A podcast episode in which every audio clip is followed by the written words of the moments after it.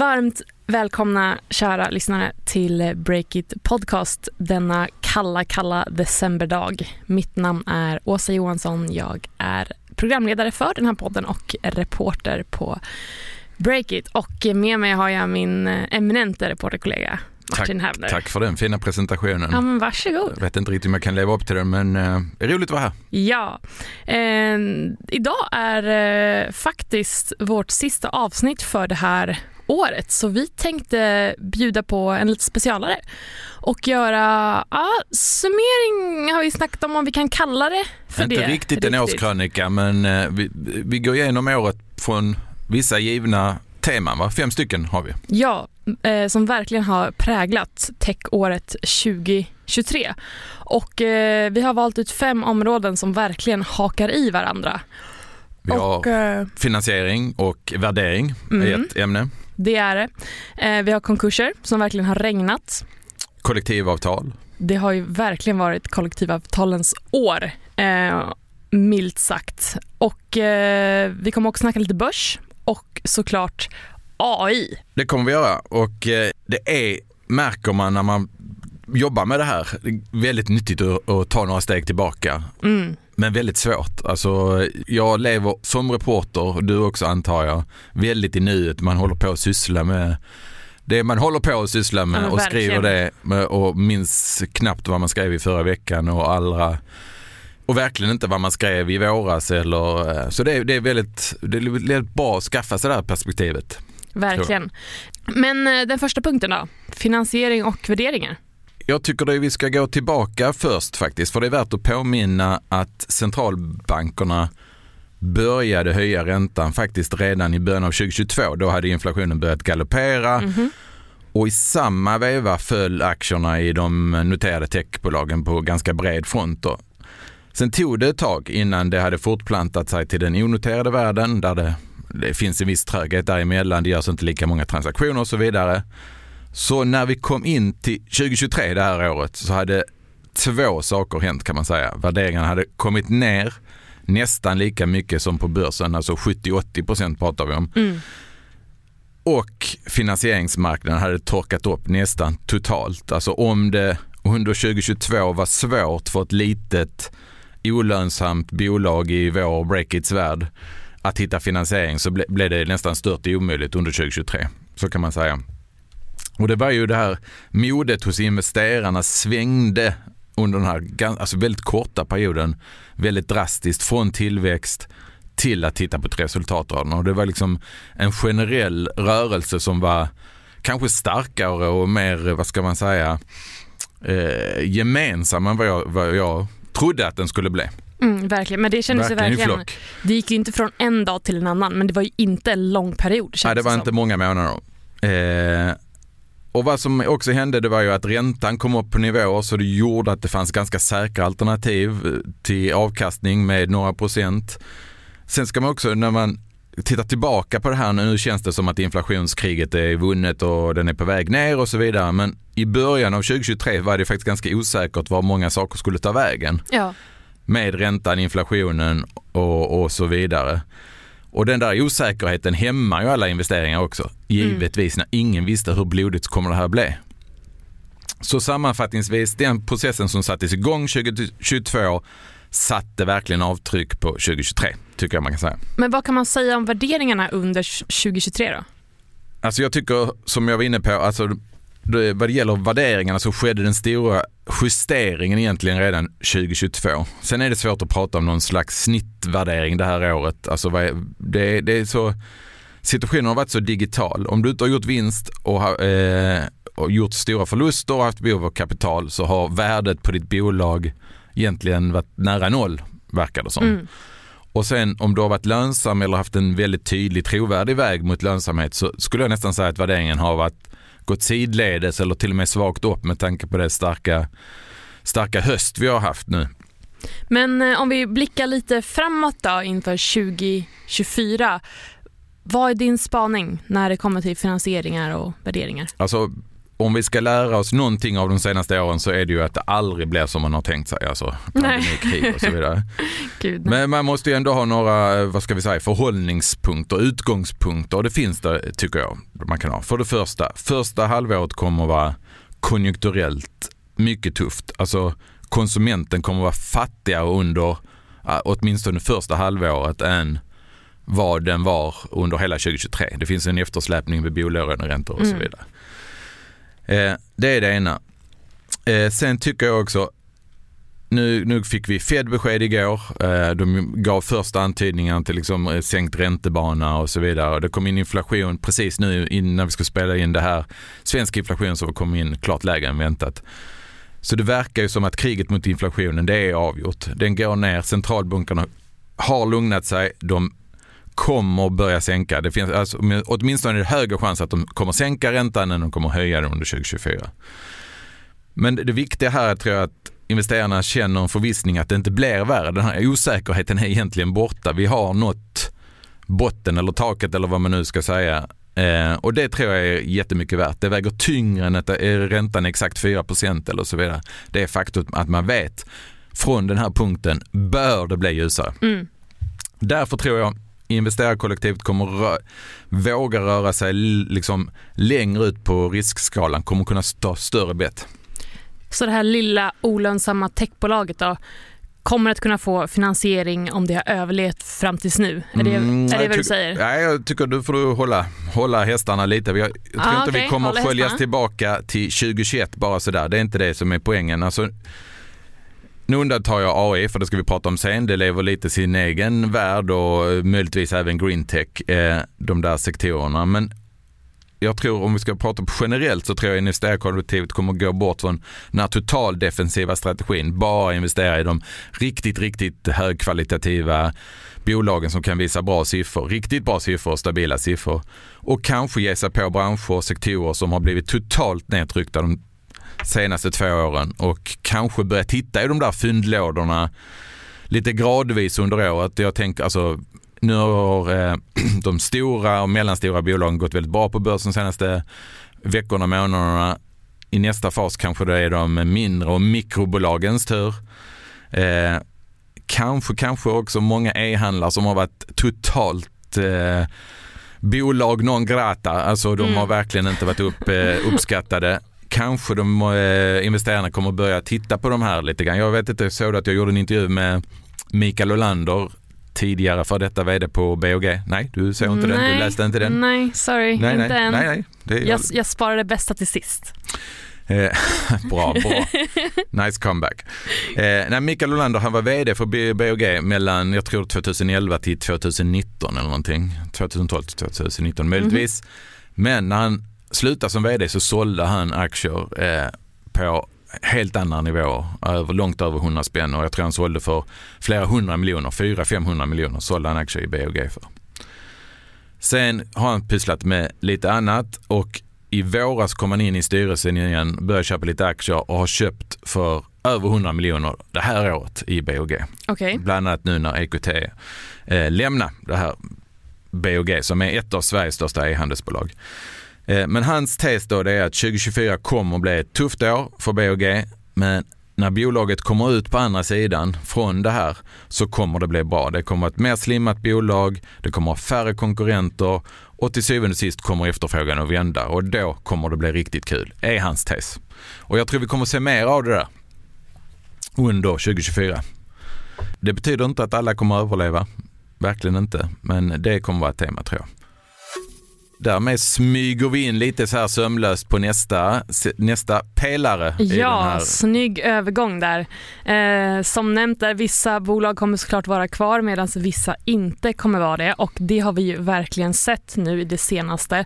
Och konkurserna började dugga tätt ja, men redan under 2022 och det har ju eh, regnat eh, även i år. Och eh, den senaste tiden känns det som att vi har skrivit om konkurser eller en rekonstruktion alltså nästan på daglig basis ändå. Alltså, det är helt otroligt. Och eh, siffror visar också att det har ökat med konkurser. 795 bolag gick i konkurs i, om vi tittar på siffror från oktober. Och, i hela Sverige och alltså Ja precis, det här är ju inte endast i, i bara Sverige. våra, nej. nej. nej. Men det här var då den överlägset högsta siffran för oktober månad sedan 1999. Du har ju skrivit en del om konkurser, jag har också gjort det. Men som sagt, vi glömmer lätt vilka bolag är det som inte är med oss längre. Ja, alltså Ja, jag kan absolut eh, rabbla några men nu helt ärligt så måste jag faktiskt ha en liten fusklapp här för det här är så många att jag kan inte hålla dem i huvudet. Eh, men några stycken då. Eh, Regent, Enkla, eh, Linkura, eh, Nordic Nestor, Netstore, Nordish, eh, Radin, vi har Septagram, vi har Ridebrain, det är Icambio, det är Gårdsman, det är Movesta, eh, Garden Store, eh, vi har Memo, vi har eh, Gleshi, vi har eh, Washaway, vi har Storkey. Ja, tack, tack, tack, tack. Jag tror vi ska... you get my point. Ja, och det är ju såklart eh, väldigt tråkiga historier det här. Det är Vi det. har en plikt att rapportera om det, Mm. de har tagit in pengar en gång, då har vi skrivit om det och då måste man på något sätt, och det finns också saker att lära sig av det givetvis. Det gör det verkligen. Men, och på det temat, finns det någon gemensam nämnare bland de här exemplen du har tittat på dem? Ja, men vi kan nästan dela upp det i några olika kategorier. Eh, så dels när man liksom är ute och eh, pratar både med olika entreprenörer men också med, med investerare så är det många som pratar om vad de kallar för en utrensning som sker nu. Att vissa bolag som har en hållbar affärsmodell och har liksom en eh, måste ha produkt eller tjänst, de blir kvar på marknaden medan de som inte har det försvinner. Så att det blir lite som ett så här lågkonjunkturstest. Är människor villiga att betala för en produkt eller tjänst fast det är sämre ekonomiska tider och man håller lite hårdare i plånboken?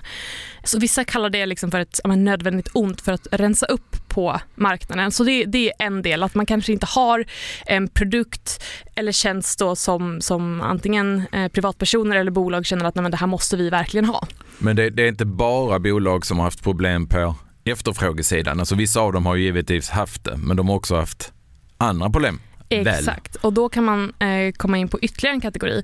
Och det är då bolag som eh, har byggts väldigt mycket på externt kapital och att man då har behövt mer eh, kapital pengar för att eh, fortsätta eh, finnas kvar helt enkelt.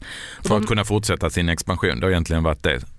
Ja, har tagit på sig i väldigt stor kostym. Exakt, men då som vi pratar lite om, okej, eh, investerare har blivit lite så här, ja, nej, nej, nu vill vi ha lite finare siffror här och då pratar vi såklart om resultatet. Eh, Så egentligen för att eh, säga det lite enklare i en mening, man har behövt ta in kapital helt enkelt, eh, vänt sig till investerare men då har de satt, sagt att nej, tyvärr. Eh, och då har det varit det. Har du något exempel här? Ja men Memo eh, som grundades för några år sedan, de hade ju en plattform som alltså vem som helst kunde beställa en hälsning från olika kändisar och skicka till vänner och familj. Och det hypades ju upp otroligt mycket och eh, bolag tog in rätt så mycket pengar, 200 miljoner kronor eh, från investerare. Men det här bolaget klarade sig då inte igenom året i år. Mm. Och sen så har vi en, ännu ett fenomen som jag tycker vi ska nämna här också. Eh, lite inne på samma bana men, men som vi har sett nu i det senaste och det är att eh, bolag har gått i konkurs eller hamnat i rekonstruktion för att investerare som lovat en investering dragit sig ur Mm. liksom i sista sekund. Nästan det mest tragiska på något sätt där bolagen tror att de har hittat en väg framåt och sen så drar, dras mattan undan. Ja men verkligen, för alltså, ska man få ett nej då vill man ju nästan ha det på en gång från början liksom, och inte ha det Och här... har kanske lite tid på sig att försöka hitta någon annan alternativ lösning. Ja exakt, så inte klockan är en minut i tolv och sen står man där och vad ska man göra? Nej. Eh, så 10 000 kronors frågan. Om vi blickar framåt, var, var tror du, var är vi i den här processen? Är utrensningen klar nu?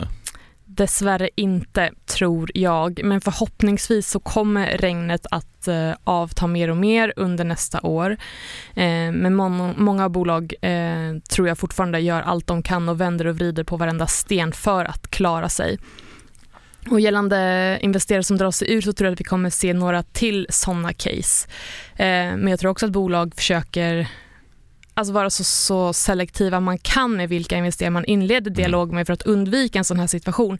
Men med det sagt, det finns en del bolag som är desperata och då, då tror jag att man tar de pengarna man kan få. Men just det där har nog varit en läxa att man, väljer, man måste också välja investerare. Mm, Kommer ni verkligen. stå med oss om det blir lite sämre tider? Om, vi, liksom, om det, vi måste gå till plan B eller plan C, är ni med oss då? Mm. Det kanske man vill inte ha den diskussionen när man söker kapital för då gäller det att vara så offensiv som möjligt och pr- presentera det ljusa scenariot. Men det kan ju vara bra att ha den diskussionen ändå någon gång. Ja, Jag bara tänker på det här med julhandel och Black Friday. Black Friday-försäljningen var ju sådär ljummen. Mm. Om nu julhandeln blir lika ljummen, jag var ute på stan i helgen, tyckte det var extremt lite folk, alltså Okej. jättelite. En liten spaning. Men om den blir också väldigt ljummen, då tror jag vi kommer att få se en ganska stor våg i början på året, januari, februari. Särskilt bland detaljister och e-handlare Mm, absolut. som har köpt in för mycket under hösten med hopp om att det skulle vända, att mycket skulle tas igen då. Att det var sista, sista eh, strået. Vi får se. Vi får se. Med allt, eh, allt ont kommer något gott brukar man ju säga. Ja, Finns det något gott i det här? ja men eh, så här, alltså, alltså, konkurser är ju då ja, uppenbarligen långt ifrån ovanligt. Men det finns fortfarande ett stigma kopplat till att en konkurs Nej men alltså det klassas många gånger som ett misslyckande och det här tycker jag är helt och hållet fel. Och det tycker också en person som jag snackar med som heter eh, Jenny Hildén, hon är konkursförvaltare, som menar att entreprenörer absolut inte ska se konkurs som ett misslyckande. Och när vi snackade så sa hon bland annat att men det är ju fantastiskt att det finns så många modiga entreprenörer som är villiga att satsa. Vad hade hänt annars? Jo men alltså, svenska företag och entreprenörer hade aldrig varit i så framkant i många branscher som vi är idag om folk inte vågade faktiskt nej men, köra. Så en konkurs kan ju verkligen vara ett nödvändigt eh, ont. Och eh, jag läste också en, eh, en krönika från eh, Julia Delin eh, hon är ju VD på Handelshögskolans inkubator och hon skrev i höstas att eh, det är alldeles för få entreprenörer som hoppar upp på hästen igen efter en konkurs. Och det är egentligen inte deras fel menar hon utan hon pekar på att nej, men det är den svenska kulturen som är lite av skurken i det här dramat. Så att lite så här, ja, men istället för att beklaga sig över att någon har gått i konkurs borde vi istället så här, ja, men, hylla den här entreprenören som har satsat men så gick det inte som det eh, liksom var tänkt. Men kanske inte fråga sig, ja, men vad kommer starta härnäst? Liksom. Ja, men på samhällsnivå är det såklart jätteviktigt att vi liksom hela tiden, att det kommer nya försök för att vissa Oh, ja. av dem blir nästa Spotify eller vad det Ja, nu men kan det är vara. superviktigt. Men då för att svara på din fråga, så om man kan hitta något gott i alla dess konkurser så är det kanske att eh, nej men man ser det som någonting mer normalt och den här stämpeln och stigmat att det, det tvättas bort eller försvinner. Så att det liksom blir mer normalt så att fler också vågar satsa. Mm. Och jag kan också tänka mig att att entreprenörer som har tvingats sätta sitt bolag i konkurs, ja, alltså det är säkert jättesmärtsamt och jag tycker inte man ska förminska det på något sätt. Men jag är också säker på att de här entreprenörerna i fråga också har lärt sig väldigt, väldigt mycket. Och att den kunskapen och de erfarenheterna verkligen inte bör liksom, eh, nej kastas bort på något sätt. Utan tänk då vad de, de personerna kan ta med sig in i nästa bolag de startar. Och därmed går vi över till den tredje punkten. Det gör vi, som är kollektivavtal. Och du ser nästan oroväckande glad ut. För att, har du inte skrivit nog om kollektivavtal? Du har mer i dig. Åh herregud, alltså om det finns en vinnare under det här året så är det nog ändå fackföreningarna. Alltså vad de har varit i media sen i våras och fortfarande är det. Alltså personer som är ganska nya i arbetslivet, särskilt inom tech och som kanske inte haft stenkoll på just fackföreningar och kollektivavtal tidigare har onekligen ja, i alla fall fått höra talas om det här nu och säkert fått sig en och annan tankeställare för jaha men vill man ha det här eller vill man Men- inte? Du menar att de har gjort sig relevanta, de har kämpat för att göra sig Ja. relevanta igen Ja. och det har de lyckats med. Exakt, och de har inte bara visat att de finns, de har visat att de inte viker sig särskilt lätt och de är redo att ta till eh, vad som kallas för stridsåtgärder. Då. Eh, och jag tänkte vi kan ju bara nämna några händelser på det här temat eh, som har, vi har sett i år och det är ju naturligtvis cirkusen och pajkastningen när Spotify började förhandla om kollektivavtal efter krav från fackföreningar. Det var förhandlingar som senare havererade. Sen stod ju Klarna på tur därefter som vi rapporterade mycket om och även där var det väldigt många turer fram och tillbaka. Jag skulle till och med vilja kalla det för något av en härva.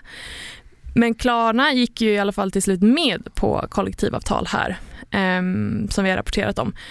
Och så slutligen har vi då Tesla-strejken som nu också beror på att facken i Sverige kräver kollektivavtal. Och den här striden har ju dessutom spridit sig till flera grannländer och det har blivit ja, något av en nordisk strid mot Tesla om kollektivavtal.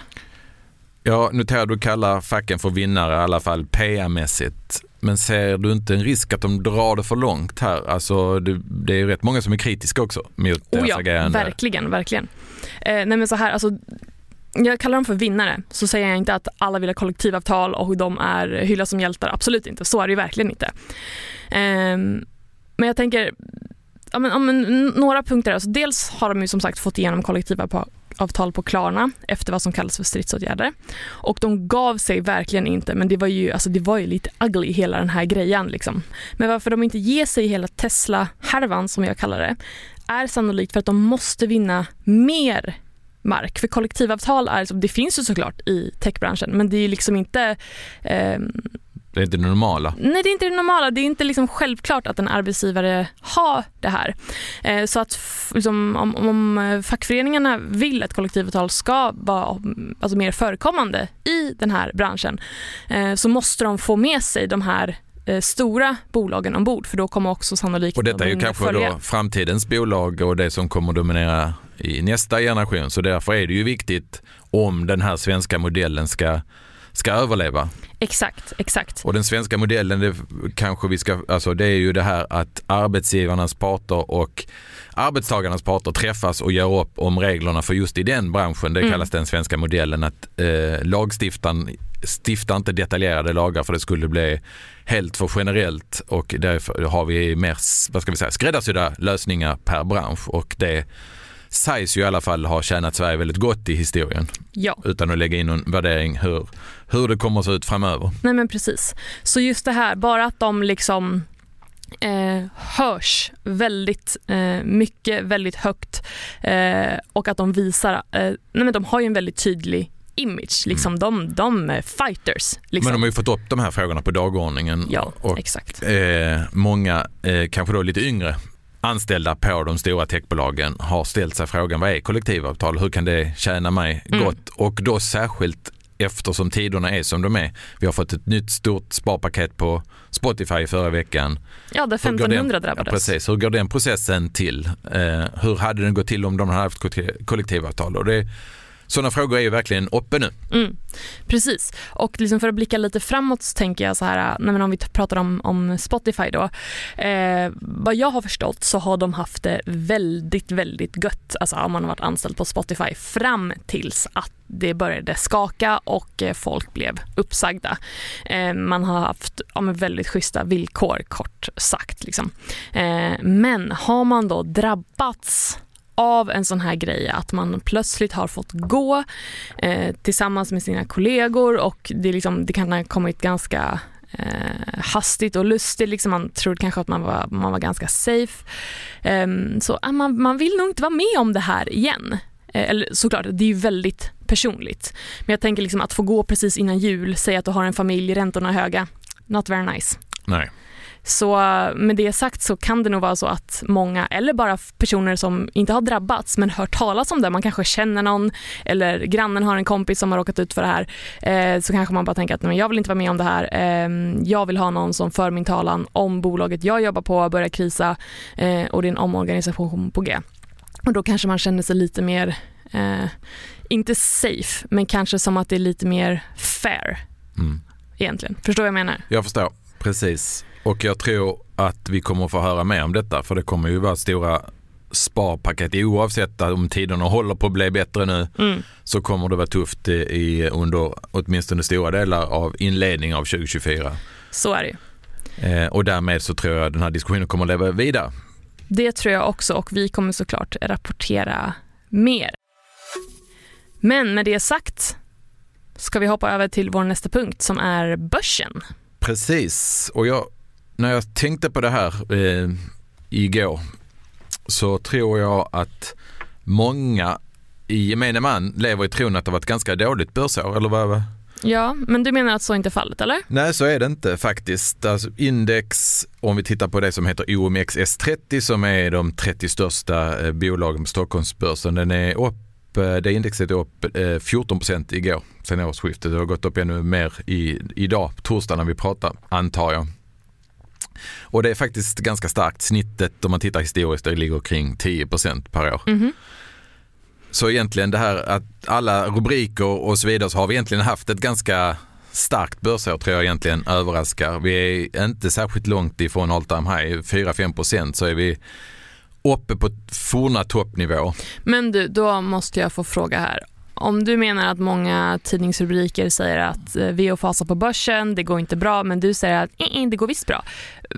Förklara. Nej, det, men alltså, grejen- det har ju inte varit någon linjär resa dit vi är idag. Det har varit väldigt stormigt under året. Det är egentligen Mm. det. Nu har vi haft några väldigt starka veckor och det är det som har gjort det. Att vi ligger där vi ligger just nu. Men jag tror inte det, många kanske inte har hängt med på den sista svängen egentligen. Men om vi börjar Året börjar ju ganska optimistiskt. Det var snack om att inflationen kommer lugna sig och om den inte gör det så är det bra för börsen och så vidare. Så vi hade några, en stark start på 2023.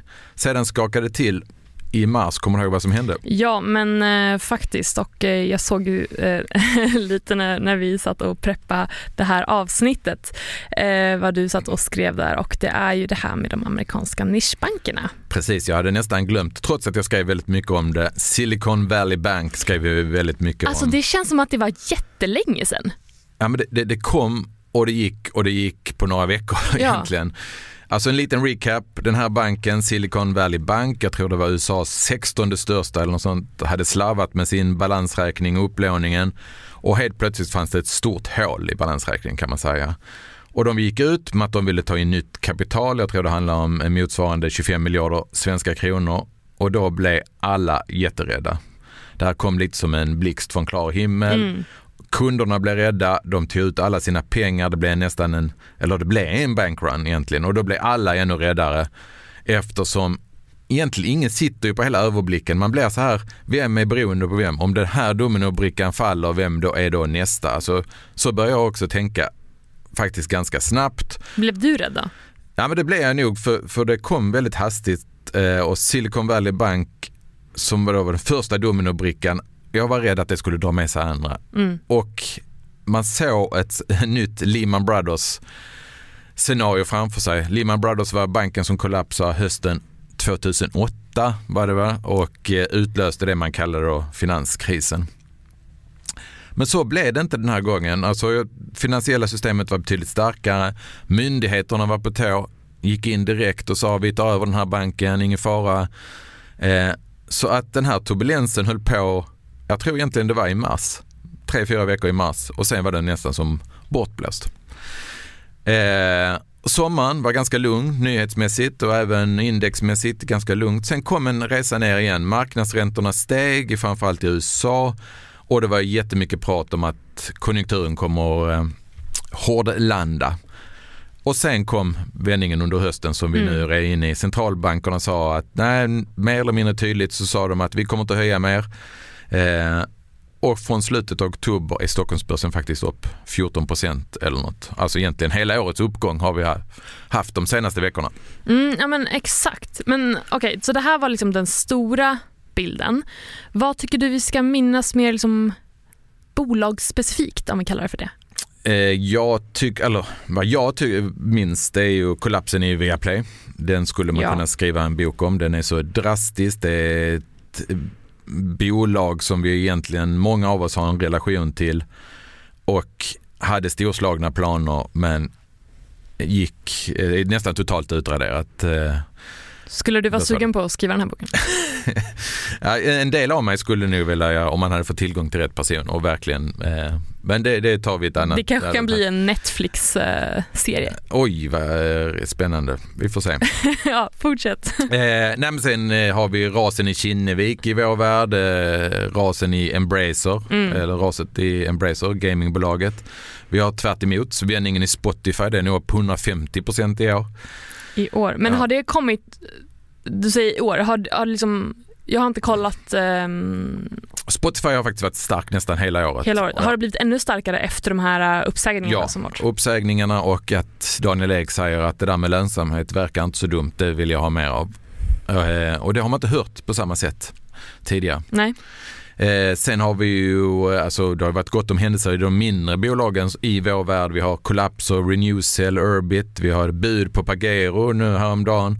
Vi har massa e-handlare som faktiskt har studsat upp apropå det vi har pratat om. Vissa har gått fortfarande jättedåligt men Nelly, Revolution Race, Rugvista har gått väldigt starkt. Hmm. Mm. Men eh, vad ser du mest fram emot under 2024 och eh, hur tror du att eh, det kommer gå? Alltså jag, jag vägrar ge något tips om att börsen kommer gå x procent upp eller ner. Det är, det är, det är ingen som kan säga något sånt. Nej, klokt att ducka där. Det- Men eh, ändå måste man säga det ser ju mycket bättre ut idag än vad det gjorde för ett år sedan. Med det vi pratade om tidigare, att räntan har toppat och inflationen verkar ha kommit ner. Vi tror i alla fall att räntan har toppat. Precis. Eh, så det känns som det ligger ganska mycket optimism i kort. Alla är ganska optimistiska nu egentligen, så frågan är om det är bra eller dåligt egentligen. Om alla är optimister då finns det inte så mycket krav, kraft Nej. kvar, men Men, men också så här, inspel på det, det känns också som att det behöver inte ske alltså en eh, megaräntesänkning för att man ska bli optimistisk. Man behöver bara höra att vi kanske Mm. inte höjer räntan mer nu. Då blir man hur glad som helst Mm. och det bara sprider sig och det, ja men som du säger, Och, och att börsen har gått upp. Folk känner att titta, jag har ju ändå lite fonder och de, de är mycket mer värda nu. Det skapar ändå kanske någon liten så här boost att man börjar våga konsumera lite mer än vad man har eh, gjort tidigare. ja, visst. Men sen ska man ihåg, det saknas inte hot. Vi har Trump, vi har val i USA nästa år, vi har Mellanöstern, Ryssland, Kina. Men det, det hör ju till på något Mm. sätt. Och det kan, kan säkert komma en reaktion på den, det rallyt vi har haft under hösten. Men jag tror ändå optimisterna kommer ge sig till känna, vinna. Vi har haft två rätt eländiga år egentligen sen den här första räntehöjningen 2022. Nu kanske vi går in i någon ny fas. Mm. Eh, och tittar vi mer bolagsspecifikt, det ska för, bli jätteintressant att följa Klarna. Eh, eventuellt en börsnotering i London till stor sannolikhet under 2024. Kinnevik är extremt frågasatt. Det ska också bli intressant om, om de kan vända på det där eller rättare sagt om det blir Georgi Ganev, vdn, som ska göra det eller om han får göra det, om han får sitta kvar. Mhm. Det ska bli intressant att följa Spotify med deras fördjupade fokus på vinst och så vidare. Eh, och sen kommer vi säkert se ytterligare konkurser och kollapser nu här i, under inledningen av 2024. Så det blir ett späckat år. Men med det sagt då, liksom, vad liksom, så många bolag har puttrandes då? Någonting som väldigt, väldigt, väldigt många företag Pratar om. på. Och det kommer vi också se. Vi kommer få se fler börsnoteringar under 2024 än vad vi såg 2023. De var väldigt få. Och de eh, bolag som kommer komma in under nästa år kommer syssla med en sak, med många, väldigt, väldigt många av dem, nämligen, AI. ja precis. Där har vi det. Mm. Eh, alltså nu är det ju lite mer än ett år sedan som bolaget OpenAI kom med ChatGPT som i sin tur skapade hela hysterin som vi haft kring artificiell intelligens sedan dess. Och det här är då den första riktiga AI-produkten som har nått en massmarknad. För innan ChatGPT kom så var ju AI något, nej men det var lite fluffigt, såklart folk hade liksom hört det eh, sådär. Men det blev ju aldrig något, man fick aldrig en bild av vad det var och så vidare. Nej, exakt. Utan det var någonting för en lite mindre krets eh, kändes det som.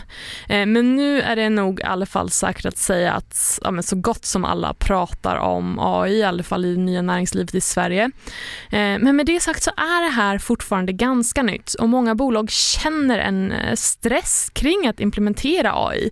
Eh, speciellt efter det här senaste årets hype eh, i och med framstegen som gjorts inom generativ AI. Och det här är någonting som vi har rapporterat om. Och många vet att de måste göra någonting, men de vet inte hur och vad. Exakt, man är rädd att hamna bakom i utvecklingen och eh, förstår att man, man måste implementera det här i sin verksamhet. Men man vet inte riktigt hur, till vad, vad behöver vi för eh, arbetskraft som kan göra det här och så vidare. hur länge kommer den här stressen pågå om vi ska kalla det tror du? Mm, ja men alltså ett tag till i alla fall. Ehm, och varför? Jo men så här, något som är väldigt intressant i allt det här, förutom den tekniska utvecklingen såklart, det är människorna som jobbar inom det här området och det har ju rapporterats om i det senaste att eh, om vi kallar det experter inom AI kan hova in rejäla eh, löner. Mm. I november rapporterades det exempelvis om att eh, den här rekryteringskampen, om, om vi kallar det, mellan OpenAI och Google blivit allt hårdare. OpenAI har då försökt locka till sig senior eh, från Google eh, med erbjudanden som överskrider 100 miljoner kronor per år där ja, merparten är eh, kom, kompensationen består av aktier i bolaget. Eh, men det jag vill komma till är att den här stressen som bolagen kan känna då gör att det blir anställdas eh, marknad helt enkelt. För att det finns inte så många som har stenkoll på det här området eh, helt enkelt. Och någonting som är extra intressant här för den svenska marknaden är att det kan bli ganska klurigt för eh, svenska Vad menar du med bolag. Det? Ja, men så här, alltså, jag har snackat med några rekryteringsspecialister nu under hösten och de sa så här att, att valet av jobb och arbetsgivare handlar oftast om mer, alltså man vill ha mer än en, en bra lön inom det här området. Så även om, om de ser att liksom kompensation och förmåner är väldigt viktigt för personerna inom de här eh, ja, sfären, det här området, eh, så vill de här kandidaterna ha mer än så.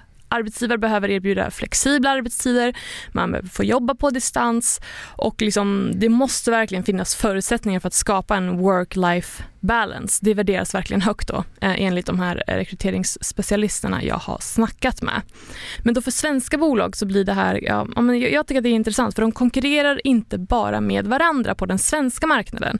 För att i och med att så många personer inom data och IT jobbar på distans så kan svenska talanger jobba för företag i exempelvis USA och få de här höga lönerna som erbjuds där, men samtidigt bo kvar i Sverige. Och det kan vara en hämmande faktor för de bolagen som finns i Sverige här och, och inte kan matcha de lönerna såklart. Ja precis, för de, de, om, om man inte kan matcha lönerna så måste man ju dra till med, med som sagt vad det nu än är de här mm, mm. kandidaterna vill ha. Om mm. det är flexibla arbetstider, man vill ha, alltså, kunna balansera eh, jobb och, och, och kollektivavtal. Och kollektivavtal, du ser. Det kanske de skiter i, höll jag på att säga.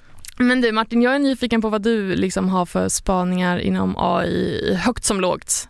Berätta, eller spaningar, vad är din take på det hela? Liksom? Alltså nu, nu, det här är mitt dåliga samvete, det här är mitt stora svaga område. Jag blir en del av mig blir väldigt anti när det blir sådana hype och alla springer ditåt.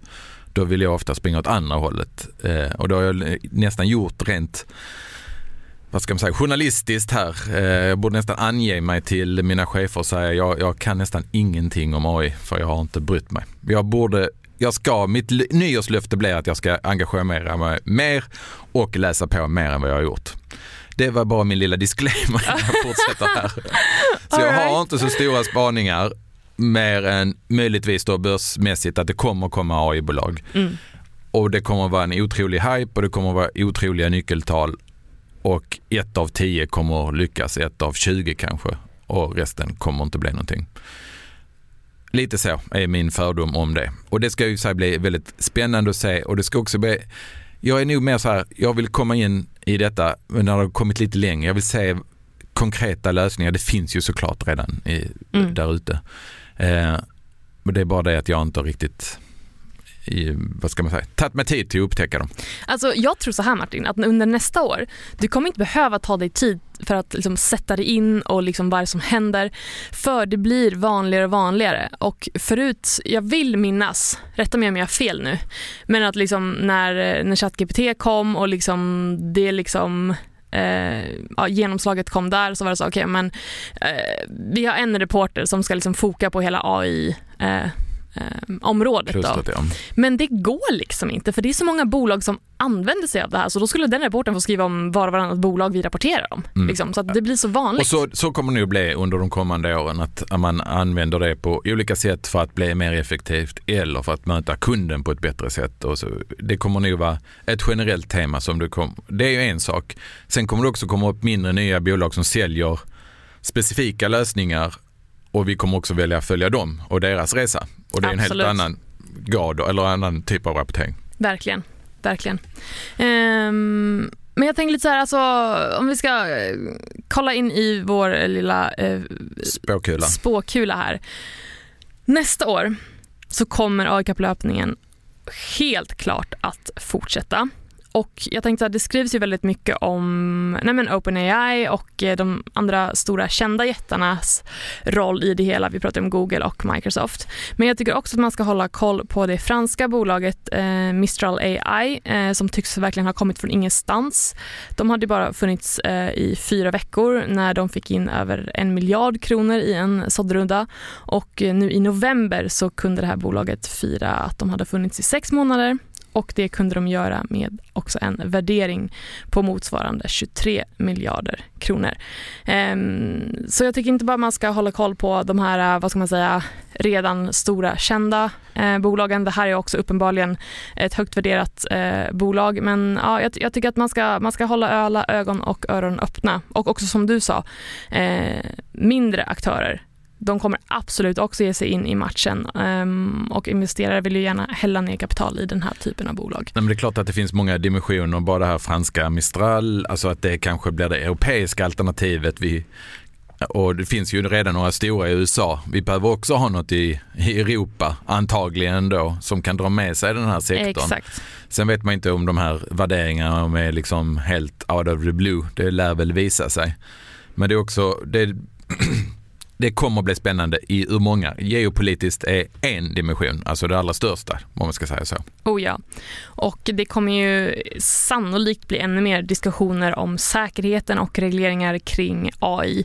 Eh, vi kanske också ser lite mer konkreta saker hända inom det här området nästa år, eller vad tror du Martin? Verkligen, alltså inte, inte minst på vårt område, media. Alltså hur vi kommer säkert få se fler robottexter skrivna alltså, utan att vi vet om det egentligen, tror jag. Ja, där gäller det att vara vaken så att vi Så vet att vi, vad som vi, händer. Så att vi får komma tillbaka här nästa år.